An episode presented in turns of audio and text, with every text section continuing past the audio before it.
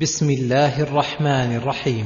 حاميم والكتاب المبين إنا جعلناه قرآنا عربيا لعلكم تعقلون هذا قسم بالقرآن على القرآن فأقسم بالكتاب المبين وأطلق ولم يذكر المتعلق ليدل على أنه مبين لكل ما يحتاج إليه العباد من أمور الدنيا والدين والآخرة إنا جعلناه قرآنا عربيا هذا المقسم عليه انه جعل بافصح اللغات واوضحها وابينها وهذا من بيانه وذكر الحكمه في ذلك فقال لعلكم تعقلون الفاظه ومعانيه لتيسرها وقربها من الاذهان وانه في ام الكتاب لدينا لعلي حكيم وانه اي هذا الكتاب لدينا في الملا الاعلى في اعلى الرتب وافضلها لعلي حكيم اي لعلي في قدره وشرفه ومحله حكيم فيما يشتمل عليه من الاوامر والنواهي والاخبار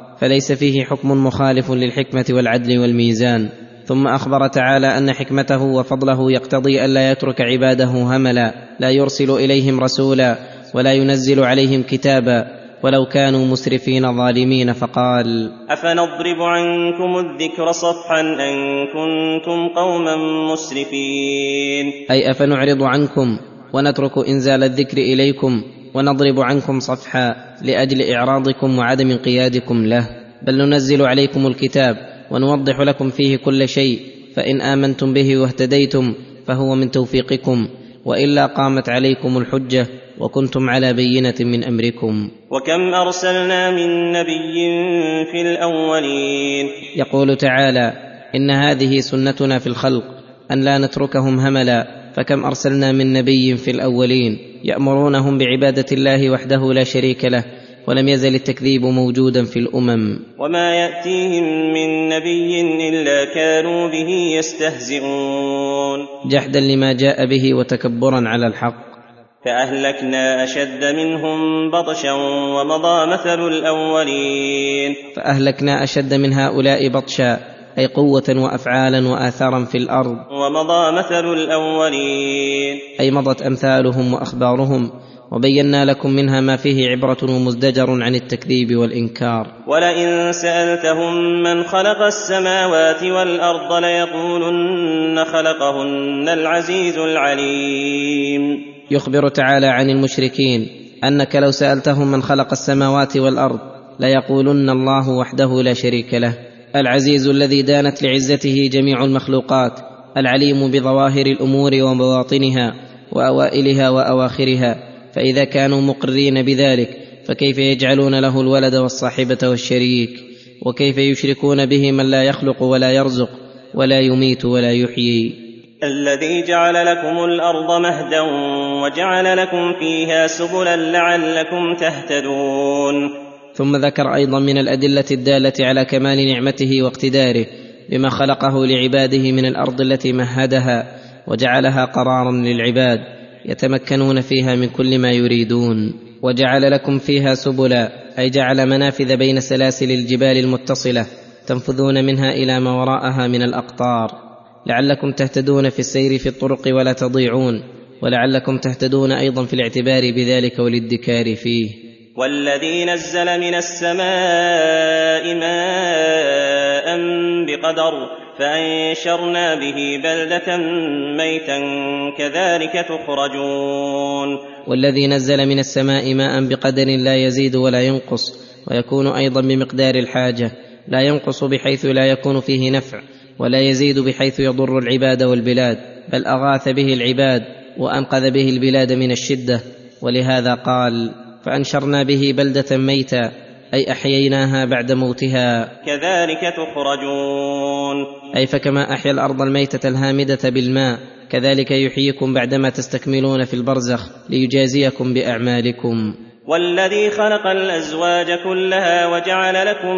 من الفلك والانعام ما تركبون والذي خلق الازواج كلها اي الاصناف جميعها مما تنبت الارض ومن انفسهم ومما لا يعلمون من ليل ونهار وحر وبرد وذكر وانثى وغير ذلك وجعل لكم من الفلك اي السفن البحريه الشراعيه والناريه ما تركبون ومن الانعام ما تركبون لتستووا على ظهوره ثم تذكروا نعمة ربكم إذا استويتم عليه وتقولوا سبحان الذي سخر لنا هذا وما كنا له مقرنين وإنا إلى ربنا لمنقلبون لتستووا على ظهوره وهذا شامل لظهور الفلك ولظهور الأنعام أي لتستقروا عليها ثم تذكروا نعمه ربكم اذا استويتم عليه بالاعتراف بالنعمه لمن سخرها والثناء عليه تعالى بذلك ولهذا قال وتقولوا سبحان الذي سخر لنا هذا وما كنا له مقرنين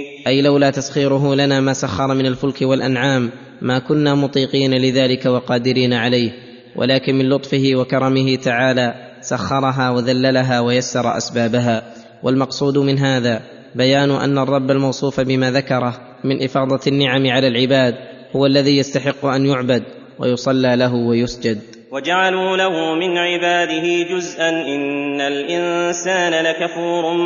مبين يخبر تعالى عن شناعه قول المشركين الذين جعلوا لله تعالى ولدا وهو الواحد الاحد الفرد الصمد الذي لم يتخذ صاحبه ولا ولدا ولم يكن له كفوا احد وان ذلك باطل من عده اوجه منها ان الخلق كلهم عباده والعبوديه تنافي الولاده ومنها ان الولد جزء من والده والله تعالى بائن من خلقه مباين لهم في صفاته ونعوت جلاله والولد جزء من الوالد فمحال ان يكون لله تعالى ولد أم اتخذ مما يخلق بنات وأصفاكم بالبنين ومنها انهم يزعمون ان الملائكه بنات الله ومن المعلوم ان البنات ادون الصنفين فكيف يكون لله البنات ويصطفيهم بالبنين ويفضلهم بها فاذا يكونون افضل من الله تعالى الله عن ذلك علوا كبيرا واذا بشر احدهم بما ضرب للرحمن مثلا ظل وجهه مسودا وهو كظيم ومنها ان الصنف الذي نسبوه لله وهو البنات ادون الصنفين واكرههما لهم حتى انهم من كراهتهم لذلك واذا بشر احدهم بما ضرب للرحمن مثلا ظل وجهه مسودا وهو كظيم ظل وجهه مسودا من كراهته وشده بغضه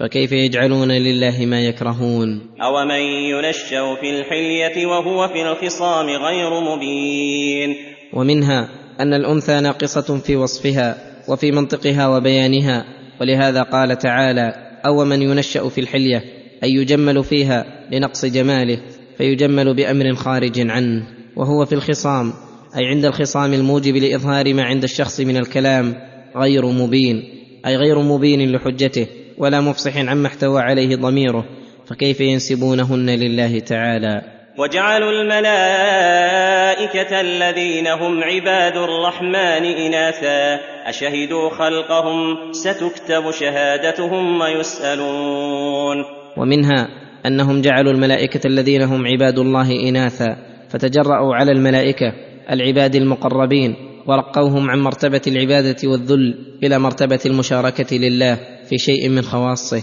ثم نزلوا بهم عن مرتبه الذكوريه الى مرتبه الانوثيه فسبحان من اظهر تناقض من كذب عليه وعاند رسله ومنها ان الله رد عليهم بانهم لم يشهدوا خلق الله لملائكته فكيف يتكلمون بامر من المعلوم عند كل احد انه ليس لهم به علم ولكن لا بد ان يسالوا عن هذه الشهاده وستكتب عليهم ويعاقبون عليها وقوله تعالى وقالوا لو شاء الرحمن ما عبدناهم ما لهم بذلك من علم إن هم إلا يخرصون وقالوا لو شاء الرحمن ما عبدناهم فاحتجوا على عبادتهم الملائكة بالمشيئة وهي حجة لم يزل المشركون يطرقونها وهي حجة باطلة في نفسها عقلا وشرعا فكل عاقل لا يقبل الاحتجاج بالقدر ولو سلكه في حالة من أحواله لم يثبت عليها قدمه واما شرعا فان الله تعالى ابطل الاحتجاج به ولم يذكره عن غير المشركين به المكذبين لرسله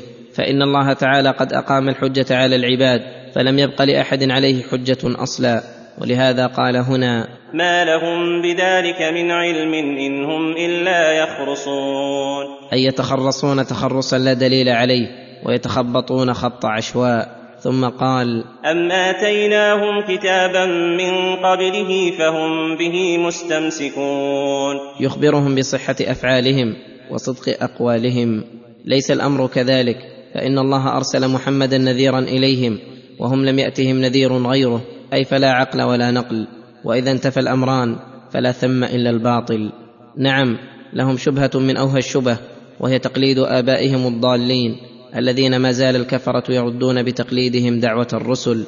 ولهذا قال هنا بل قالوا انا وجدنا اباءنا على امه وانا على اثارهم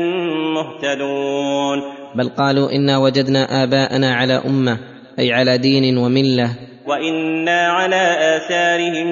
مهتدون اي فلا نتبع ما جاء به محمد صلى الله عليه وسلم وكذلك ما ارسلنا من قبلك في قريه من نذير الا الا قال مترفوها انا وجدنا اباءنا على امه وانا على اثارهم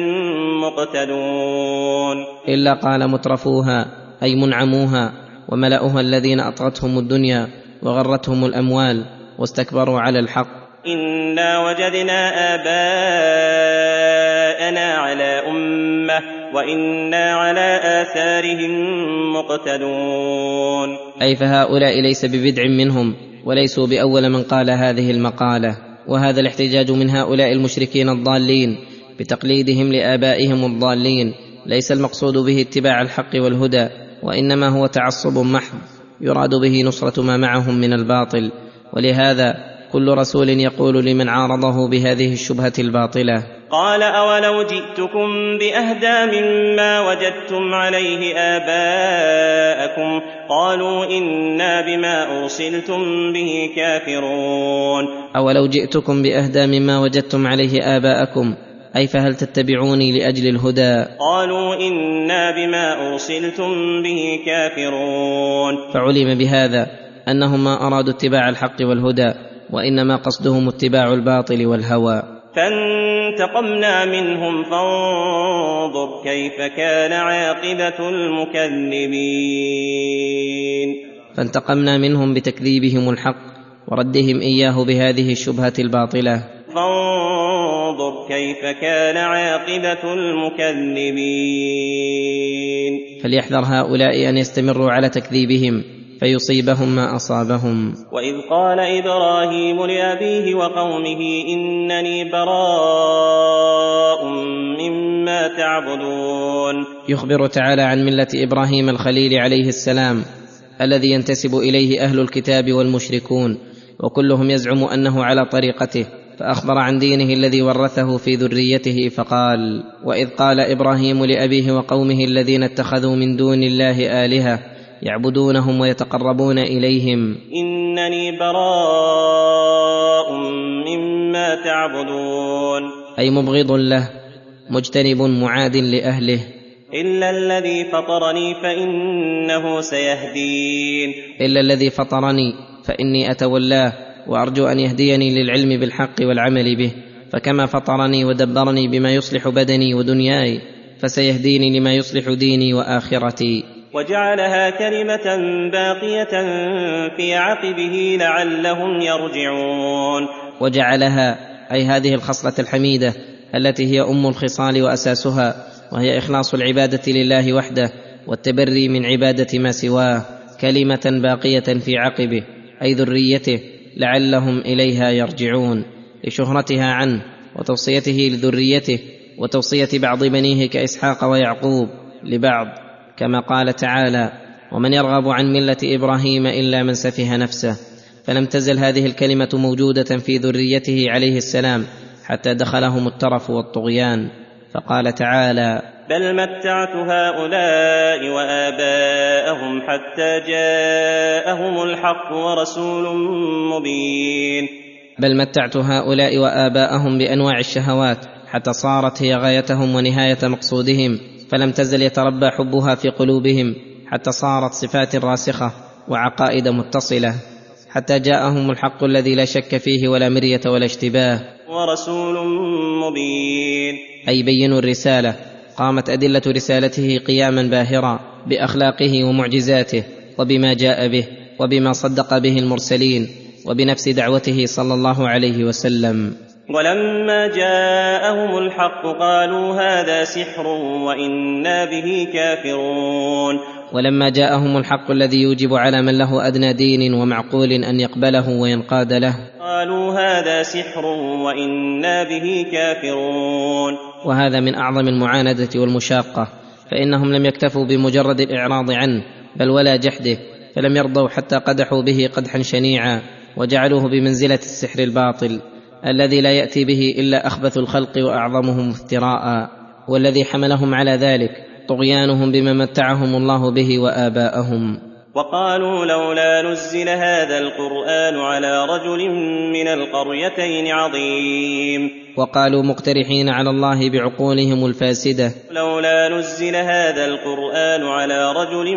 من القريتين عظيم اي معظم عندهم مبجل من اهل مكه او اهل الطائف كالوليد بن المغيره ونحوه ممن هو عندهم عظيم قال الله ردا لاقتراحهم اهم يقسمون رحمه ربك اي اهم الخزان لرحمه الله وبيدهم تدبيرها فيعطون النبوه والرساله من يشاءون ويمنعونها ممن يشاءون نحن قسمنا بينهم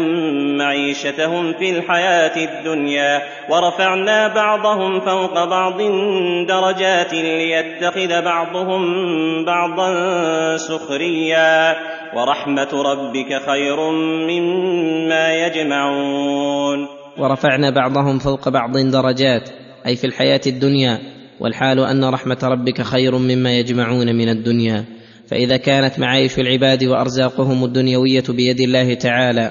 هو الذي يقسمها بين عباده فيبسط الرزق على من يشاء ويضيقه على من يشاء بحسب حكمته فرحمته الدينيه التي اعلاها النبوه والرساله اولى واحرى ان تكون بيد الله تعالى فالله اعلم حيث يجعل رسالته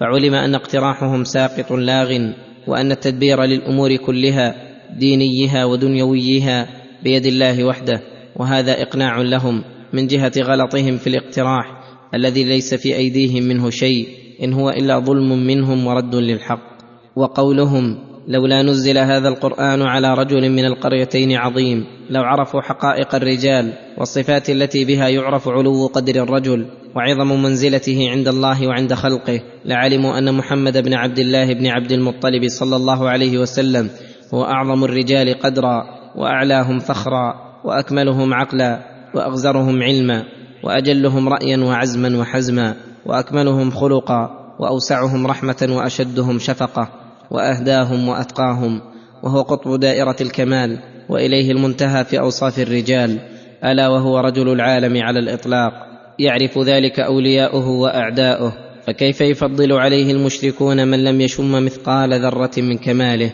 ومن جرمه ومنتهى حمقه ان جعل الهه الذي يعبده ويدعوه ويتقرب اليه صنما او شجرا او حجرا لا يضر ولا ينفع ولا يعطي ولا يمنع وهو كل على مولاه يحتاج لمن يقوم بمصالحه فهل هذا الا من فعل السفهاء والمجانين فكيف يجعل هذا عظيما ام كيف يفضل على خاتم الرسل وسيد ولد ادم صلى الله عليه وسلم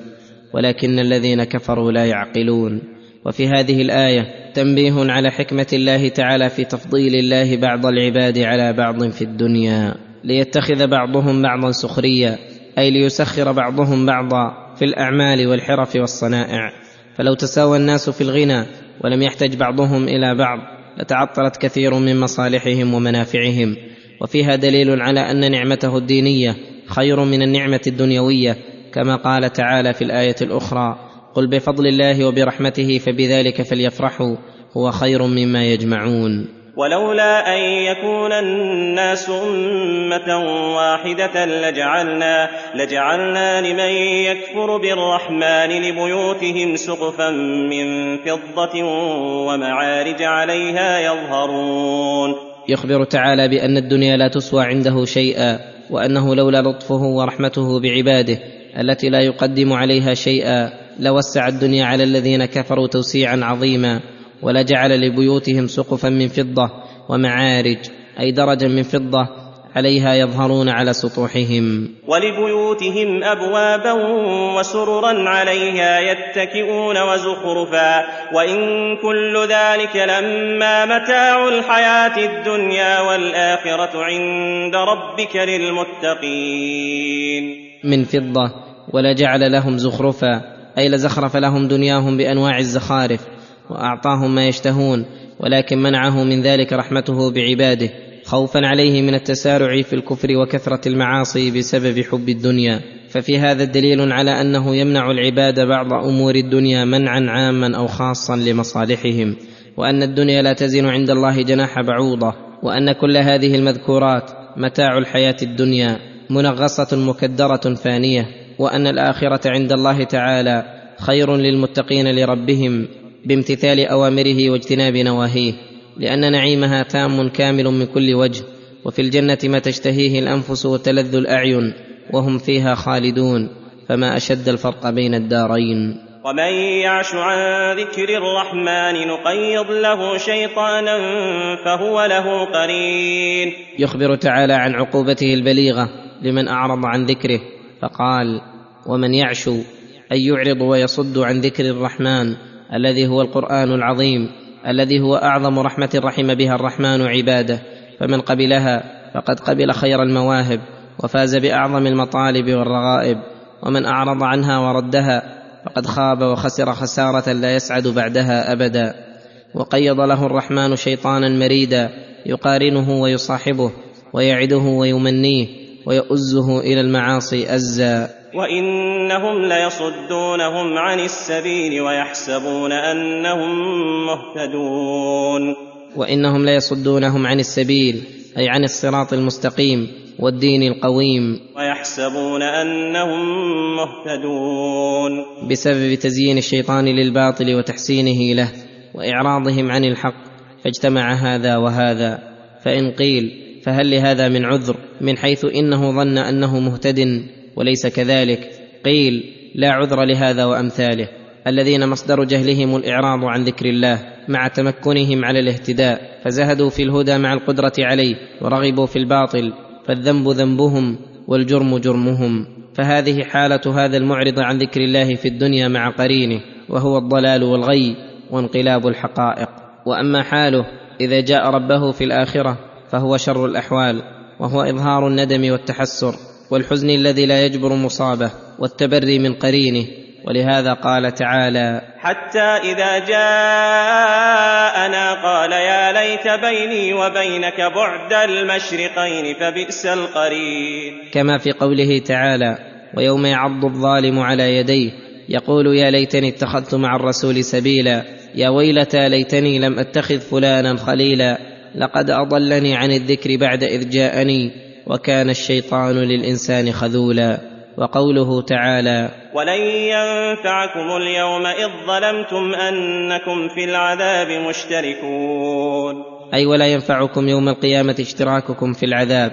انتم وقرناؤكم واخلاؤكم وذلك لانكم اشتركتم في الظلم فاشتركتم في عقابه وعذابه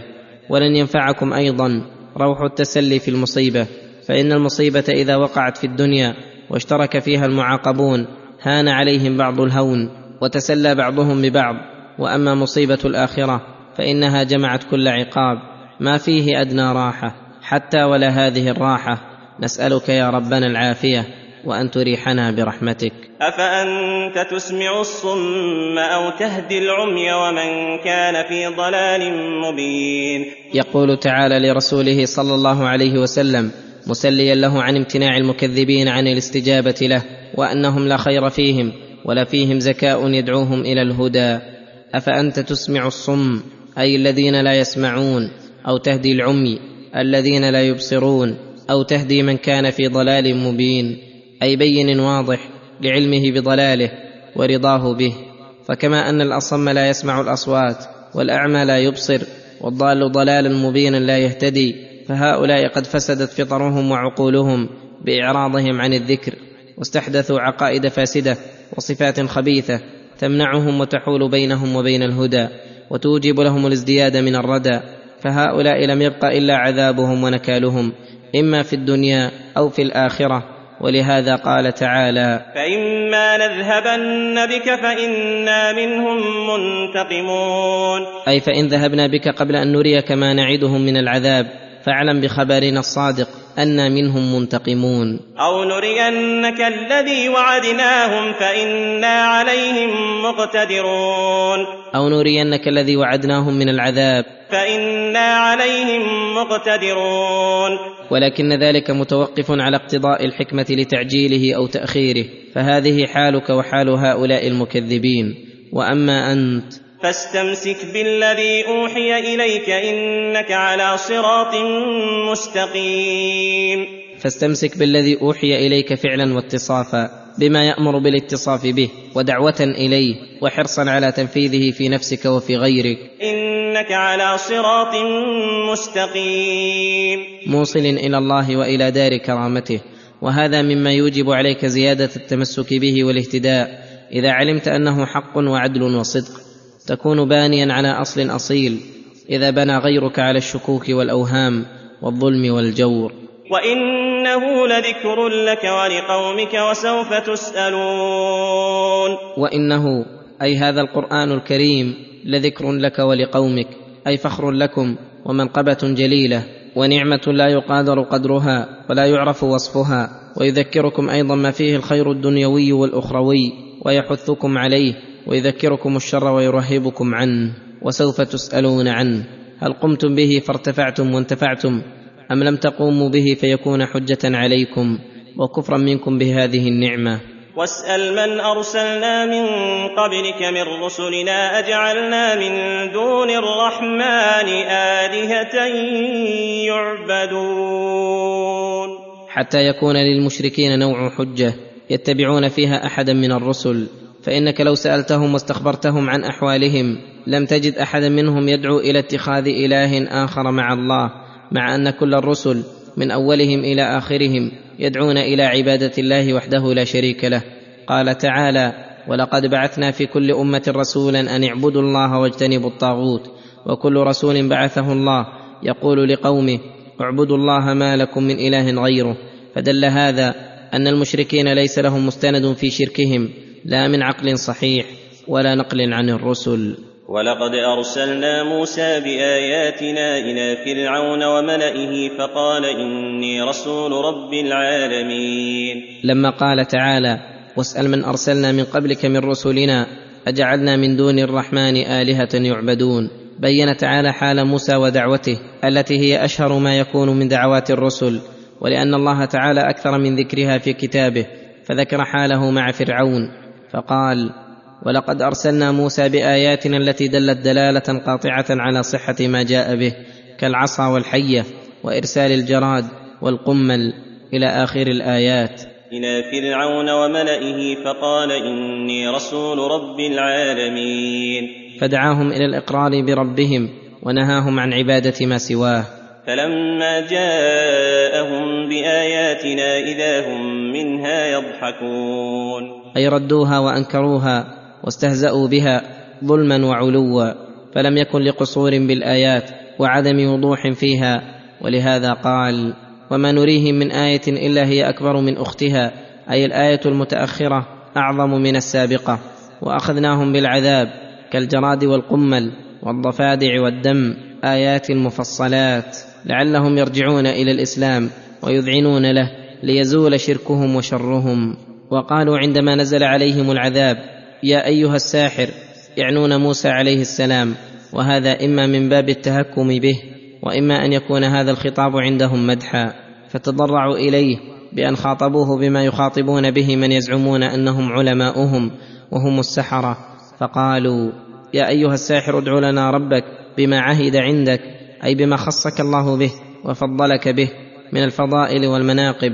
ان يكشف عنا العذاب اننا لمهتدون ان كشف الله عنا ذلك فلما كشفنا عنهم العذاب اذا هم ينكثون اي لم يفوا بما قالوا بل غدروا واستمروا على كفرهم وهذا كقوله تعالى فارسلنا عليهم الطوفان والجراد والقمل والضفادع والدم ايات مفصلات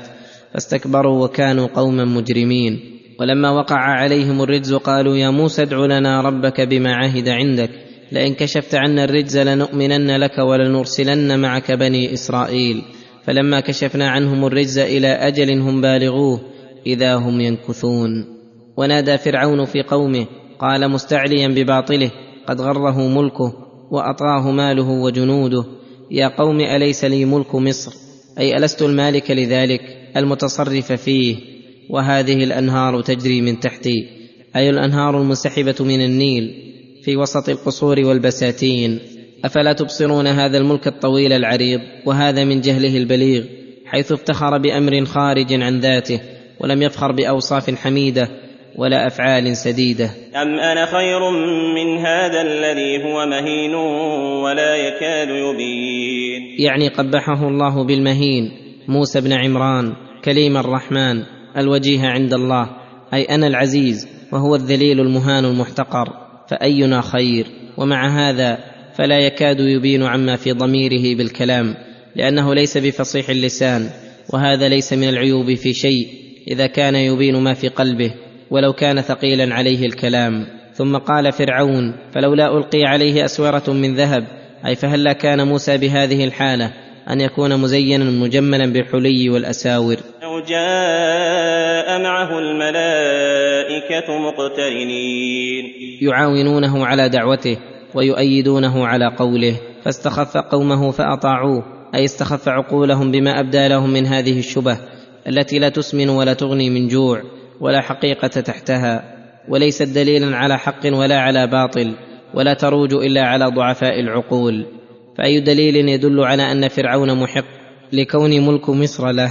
وانهاره تجري من تحته واي دليل يدل على بطلان ما جاء به موسى لقله اتباعه وثقل لسانه وعدم تحليه الله له ولكنه لقي ملا لا معقول عندهم فمهما قال اتبعوه من حق وباطل انهم كانوا قوما فاسقين فبسبب فسقهم قيض الله لهم فرعون يزين لهم الشرك والشر فلما اسفونا انتقمنا منهم فاغرقناهم اجمعين فلما اسفونا اي اغضبونا بافعالهم فلما اسفونا انتقمنا منهم فاغرقناهم اجمعين فجعلناهم سلفا ومثلا للاخرين ليعتبر بهم المعتبرون ويتعظ باحوالهم المتعظون ولما ضرب ابن مريم مثلا اذا قومك منه يصدون يقول تعالى ولما ضرب ابن مريم مثلا اي نهي عن عبادته وجعلت عبادته بمنزله عباده الاصنام والانداد اذا قومك المكذبون لك منه اي من اجل هذا المثل المضروب يصدون اي يستلجون في خصومتهم لك ويصيحون ويزعمون انهم قد غلبوا في حجتهم وافلجوا وقالوا االهتنا خير ام هو ما ضربوه لك الا جدلا بل هم قوم خصمون وقالوا االهتنا خير ام هو يعني عيسى حيث نهي عن عباده الجميع وشورك بينهم بالوعيد على من عبدهم ونزل ايضا قوله تعالى انكم وما تعبدون من دون الله حصب جهنم انتم لها واردون ووجه حجتهم الظالمه انهم قالوا قد تقرر عندنا وعندك يا محمد ان عيسى من عباد الله المقربين الذين لهم العاقبه الحسنه فلم سويت بينه وبينها في النهي عن عباده الجميع فلولا ان حجتك باطله لم تتناقض ولم قلت انكم وما تعبدون من دون الله حصب جهنم انتم لها واردون وهذا لفظ بزعمهم يعم الاصنام وعيسى فهل هذا الا تناقض وتناقض الحجه دليل على بطلانها هذا انهى ما يقررون به هذه الشبهه التي فرحوا بها واستبشروا وجعلوا يصدون ويتباشرون وهي ولله الحمد من اضعف الشبه وابطلها فان تسويه الله بين النهي عن عباده المسيح وبين النهي عن عباده الاصنام لان العباده حق لله تعالى لا يستحقها احد من الخلق لا الملائكه المقربون ولا الانبياء المرسلون ولا من سواهم من الخلق فاي شبهه في تسويه النهي عن عباده عيسى وغيره وليس تفضيل عيسى عليه السلام وكونه مقربا عند الله ما يدل على الفرق بينها وبينه في هذا الموضع وانما هو كما قال تعالى ان هو الا عبد انعمنا عليه وجعلناه مثلا لبني اسرائيل ان هو الا عبد انعمنا عليه بالنبوه والحكمه والعلم والعمل وجعلناه مثلا لبني اسرائيل يعرفون به قدره الله تعالى على ايجاده من دون اب واما قوله تعالى انكم وما تعبدون من دون الله حصب جهنم انتم لها واردون فالجواب عنها من ثلاثه اوجه احدها ان قوله انكم وما تعبدون من دون الله ان ما اسم لما لا يعقل لا يدخل فيه المسيح ونحوه الثاني ان الخطاب للمشركين الذين بمكه وما حولها وهم انما يعبدون اصناما واوثانا ولا يعبدون المسيح الثالث ان الله قال بعد هذه الايه ان الذين سبقت لهم منا الحسنى اولئك عنها مبعدون فلا شك ان عيسى وغيره من الانبياء والاولياء داخلون في هذه الايه ثم قال تعالى ولو نشاء لجعلنا منكم ملائكه في الارض يخلفون اي لجعلنا بدلكم ملائكه يخلفونكم في الارض ويكونون في الارض حتى نرسل اليهم ملائكه من جنسهم واما انتم يا معشر البشر فلا تطيقون ان ترسل اليكم الملائكه فمن رحمه الله بكم ان ارسل اليكم رسلا من جنسكم تتمكنون من الاخذ عنهم وانه لعلم للساعه فلا تمترن بها واتبعون هذا صراط مستقيم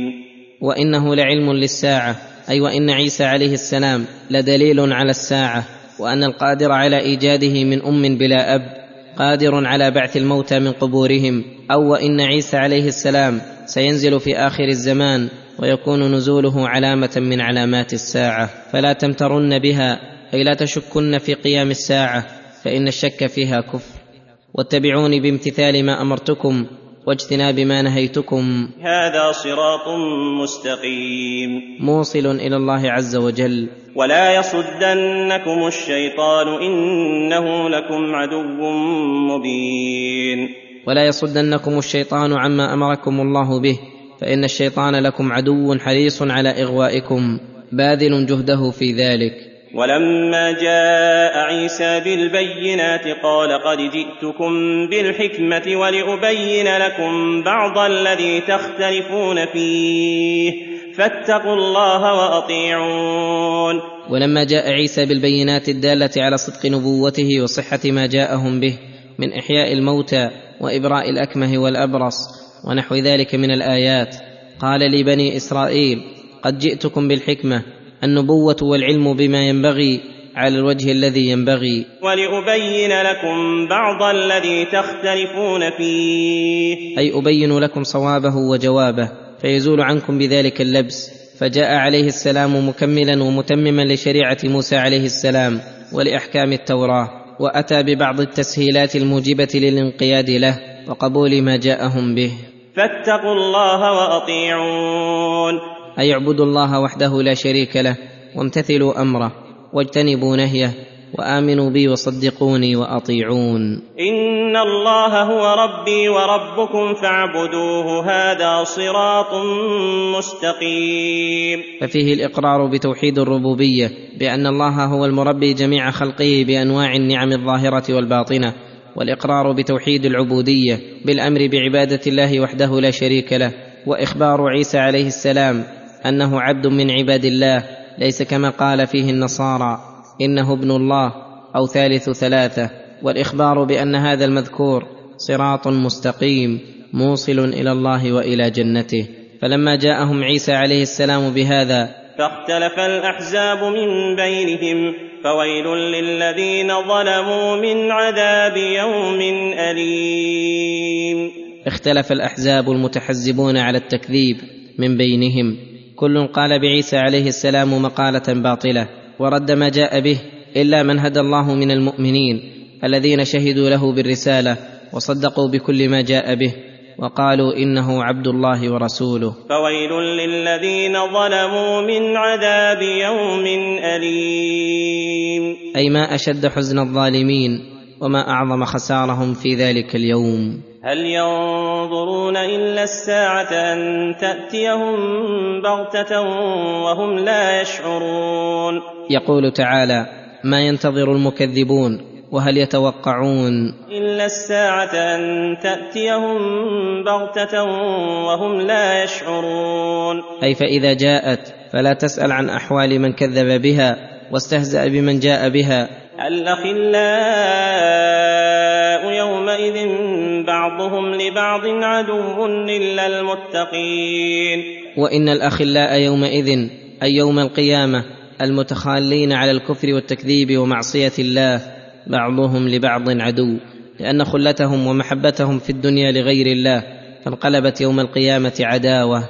الا المتقين للشرك والمعاصي فان محبتهم تدوم وتتصل بدوام من كانت المحبه لاجله ثم ذكر ثواب المتقين وان الله تعالى يناديهم يوم القيامه بما يسر قلوبهم ويذهب عنهم كل افه وشر فيقول يا عباد لا خوف عليكم اليوم ولا انتم تحزنون اي لا خوف يلحقكم فيما تستقبلونه من الامور ولا حزن يصيبكم فيما مضى منها واذا انتفى المكروه من كل وجه ثبت المحبوب المطلوب الذين امنوا باياتنا وكانوا مسلمين اي وصفهم الايمان بايات الله وذلك يشمل التصديق بها وبما لا يتم التصديق الا به من العلم بمعناها والعمل بمقتضاها وكانوا مسلمين لله منقادين له في جميع احوالهم فجمعوا بين الاتصاف بعمل الظاهر والباطن ادخلوا الجنة أنتم وأزواجكم تحبرون ادخلوا الجنة التي هي دار القرار أنتم وأزواجكم أي من كان على مثل عملكم من كل مقارن لكم من زوجة وولد وصاحب وغيرهم تحبرون اي تنعمون وتكرمون وياتيكم من فضل ربكم من الخيرات والسرور والافراح واللذات ما لا تعبر الالسن عن وصفه يطاف عليهم بصحاف من ذهب واكواب اي تدور عليهم خدامهم من الولدان المخلدين بطعامهم باحسن الاواني وافخرها وهي صحاف الذهب وشرابهم بالطف الاواني وهي الاكواب التي لا عرى لها وهي من اصفى الاواني من فضه اعظم من صفاء القوارير وفيها ما تشتهيه الانفس وتلذ الاعين وانتم فيها خالدون وفيها اي الجنه ما تشتهيه الانفس وتلذ الاعين وهذا لفظ جامع ياتي على كل نعيم وفرح وقره عين وسرور قلب فكل ما اشتهته النفوس من مطاعم ومشارب وملابس ومناكح ولذته العيون من مناظر حسنه واشجار محدقه ونعم مونقه ومبان مزخرفه فانه حاصل فيها معد لاهلها على اكمل الوجوه وافضلها كما قال تعالى لهم فيها فاكهه ولهم ما يدعون وانتم فيها خالدون وهذا هو تمام نعيم اهل الجنه وهو الخلد الدائم فيها الذي يتضمن دوام نعيمها وزيادته وعدم انقطاعه وتلك الجنه التي اورثتموها بما كنتم تعملون وتلك الجنه الموصوفه باكمل الصفات هي التي اورثتموها بما كنتم تعملون اي اورثكم الله اياها باعمالكم وجعلها من فضله جزاء لها واودع فيها من رحمته ما اودع لكم فيها فاكهة كثيرة منها تأكلون. لكم فيها فاكهة كثيرة كما في الآية الأخرى فيهما من كل فاكهة زوجان. منها تأكلون. أي مما تتخيرون من تلك الفواكه الشهية والثمار اللذيذة تأكلون. ولما ذكر نعيم الجنة عقبه بذكر عذاب جهنم فقال: إن إن المجرمين في عذاب جهنم خالدون إن المجرمين الذين أجرموا بكفرهم وتكذيبهم في عذاب جهنم أي منغمرون فيه محيط بهم العذاب من كل جانب خالدون فيه لا يخرجون منه أبدا لا يفتر عنهم وهم فيه مبلسون ولا يفتر عنهم العذاب ساعة بإزالته ولا بتهوين عذابه وهم فيه مبلسون اي ايسون من كل خير غير راجين للفرج وذلك انهم ينادون ربهم فيقولون ربنا اخرجنا منها فان عدنا فانا ظالمون قال اخسأوا فيها ولا تكلمون وما ظلمناهم ولكن كانوا هم الظالمين وهذا العذاب العظيم بما قدمت ايديهم وبما ظلموا به انفسهم والله لم يظلمهم ولم يعاقبهم بلا ذنب ولا جرم ونادوا يا مالك ليقض علينا ربك قال انكم ماكثون ونادوا وهم في النار لعلهم يحصل لهم استراحه يا مالك ليقضي علينا ربك اي ليمتنا فنستريح فاننا في غم شديد وعذاب غليظ لا صبر لنا عليه ولا جلد فقال لهم مالك خازن النار حين طلبوا منه ان يدعو الله لهم ان يقضي عليهم انكم ماكثون اي مقيمون فيها لا تخرجون عنها ابدا فلم يحصل لهم ما قصدوه بل اجابهم بنقيض قصدهم وزادهم غما الى غمهم ثم وبخهم بما فعلوا فقال لقد جئناكم بالحق ولكن أكثركم للحق كارهون لقد جئناكم بالحق الذي يوجب عليكم أن تتبعوه فلو تبعتموه لفزتم وسعدتم ولكن أكثركم للحق كارهون فلذلك شقيتم شقاوة لا سعادة بعدها أم أبرموا أمرا فإنا مبرمون يقول تعالى ام ابرم المكذبون بالحق المعاندون له امرا اي كادوا كيدا ومكروا للحق ولمن جاء بالحق ليدحضوه بما موهوا من الباطل المزخرف المزوق فانا مبرمون اي محكمون امرا ومدبرون تدبيرا يعلو تدبيرهم وينقضه ويبطله وهو ما قيضه الله من الاسباب والادله لاحقاق الحق وابطال الباطل كما قال تعالى بل نقذف بالحق على الباطل فيدمغه أم يحسبون أنا لا نسمع سرهم ونجواهم بلى ورسلنا لديهم يكتبون أم يحسبون بجهلهم وظلمهم أنا لا نسمع سرهم الذي لم يتكلموا به بل هو سر في قلوبهم ونجواهم أي كلامهم الخفي الذي يتناجون به أي فلذلك أقدموا على المعاصي وظنوا أنها لا تبعة لها ولا مجازاه على ما خفي منها فرد الله عليهم بقوله بلى اي انا نعلم سرهم ونجواهم ورسلنا الملائكه الكرام لديهم يكتبون كل ما عملوه وسيحفظ ذلك عليهم حتى يردوا القيامه فيجدوا ما عملوا حاضرا ولا يظلم ربك احدا قل ان كان للرحمن ولد فانا اول العابدين اي قل يا ايها الرسول الكريم للذين جعلوا لله ولدا وهو الواحد الاحد الفرد الصمد الذي لم يتخذ صاحبه ولا ولدا ولم يكن له كفوا احد قل ان كان للرحمن ولد فانا اول العابدين فانا اول العابدين لذلك الولد لانه جزء من والده وانا اولى الخلق انقيادا للامور المحبوبه لله ولكني اول المنكرين لذلك واشدهم له نفيا فعلم بذلك بطلانه فهذا احتجاج عظيم عند من عرف احوال الرسل وانه اذا علم انهم اكمل الخلق وان كل خير فهم اول الناس سبقا اليه وتكميلا له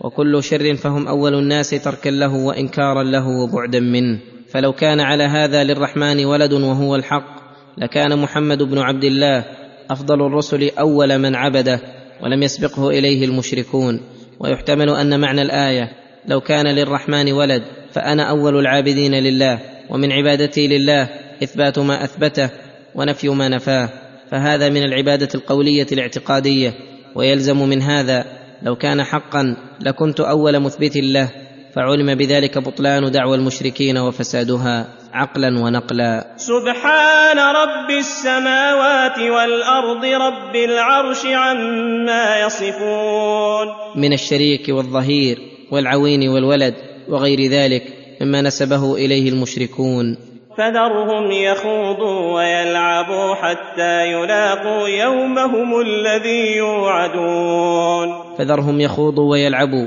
اي يخوضوا بالباطل ويلعبوا بالمحال فعلومهم ضاره غير نافعه وهي الخوض والبحث بالعلوم التي يعارضون بها الحق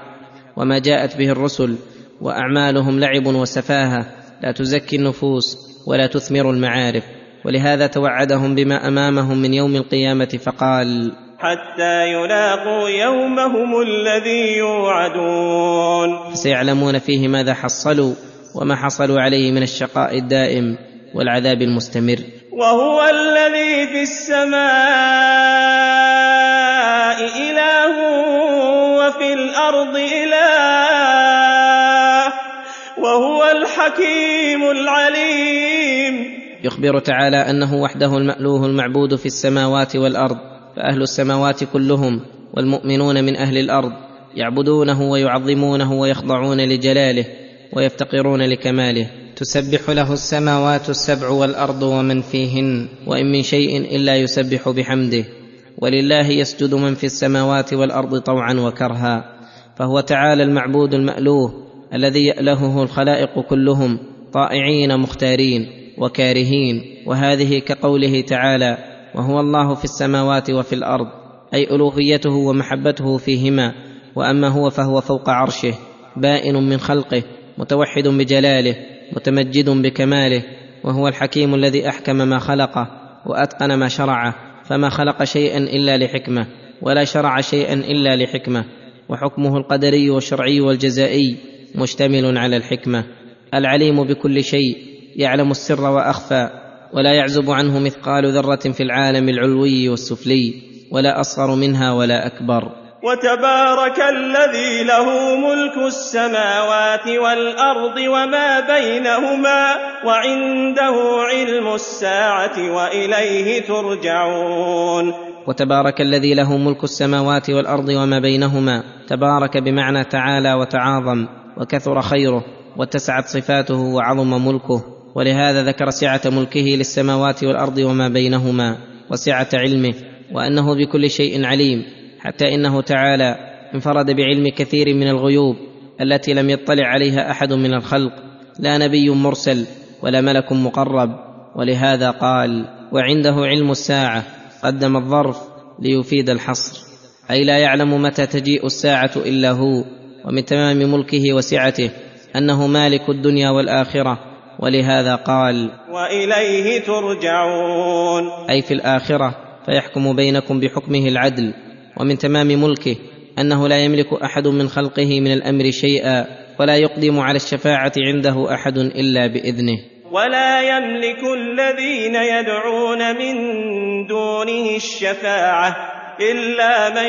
شهد بالحق وهم يعلمون ولا يملك الذين يدعون من دونه الشفاعه اي كل من دعي من دون الله من الانبياء والملائكه وغيرهم لا يملكون الشفاعه ولا يشفعون الا باذن الله ولا يشفعون الا لمن ارتضى ولهذا قال الا من شهد بالحق اي نطق بلسانه مقرا بقلبه عالما بما شهد به ويشترط ان تكون شهادته بالحق وهو الشهاده لله تعالى بالوحدانيه ولرسله بالنبوه والرساله وصحه ما جاءوا به من اصول الدين وفروعه وحقائقه وشرائعه فهؤلاء الذين تنفع فيهم شفاعه الشافعين وهؤلاء الناجون من عذاب الله الحائزون لثوابه ثم قال تعالى ولئن سالتهم من خلقهم ليقولن الله فانا يؤفكون ليقولن الله اي ولئن سالت المشركين عن توحيد الربوبيه ومن هو الخالق لاقروا انه الله وحده لا شريك له فأنا يؤفكون اي فكيف يصرفون عن عباده الله والاخلاص له وحده فاقرارهم بتوحيد الربوبيه يلزمهم به الاقرار بتوحيد الالوهيه وهو من اكبر الادله على بطلان الشرك وقيله يا رب ان هؤلاء قوم لا يؤمنون هذا معطوف على قوله وعنده علم الساعه اي وعنده علم قيله اي الرسول صلى الله عليه وسلم شاكيا لربه تكذيب قومه متحزنا على ذلك متحسرا على عدم ايمانهم فالله تعالى عالم بهذه الحال قادر على معاجلتهم بالعقوبه ولكنه تعالى حليم يمهل العباد ويستاني بهم لعلهم يتوبون ويرجعون ولهذا قال فاصفح عنهم وقل سلام وقل سلام فسوف يعلمون فاصفح عنهم وقل سلام اي اصفح عنهم ما ياتيك من اذيتهم القوليه والفعليه واعف عنهم ولا يبدر منك الا السلام الذي يقابل به اولو الالباب والبصائر الجاهلين كما قال تعالى عن عباده الصالحين واذا خاطبهم الجاهلون اي خطابا بمقتضى جهلهم قالوا سلاما فامتثل صلى الله عليه وسلم لامر ربه وتلقى ما يصدر اليه من قومه وغيره من الاذى بالعفو والصفح ولم يقابلهم عليه الا بالاحسان اليهم والخطاب الجميل فصلوات الله وسلامه على من خصه الله بالخلق العظيم الذي فضل به اهل الارض والسماء وارتفع به اعلى من كواكب الجوزاء وقوله فسوف يعلمون اي غب ذنوبهم وعاقبه جرمهم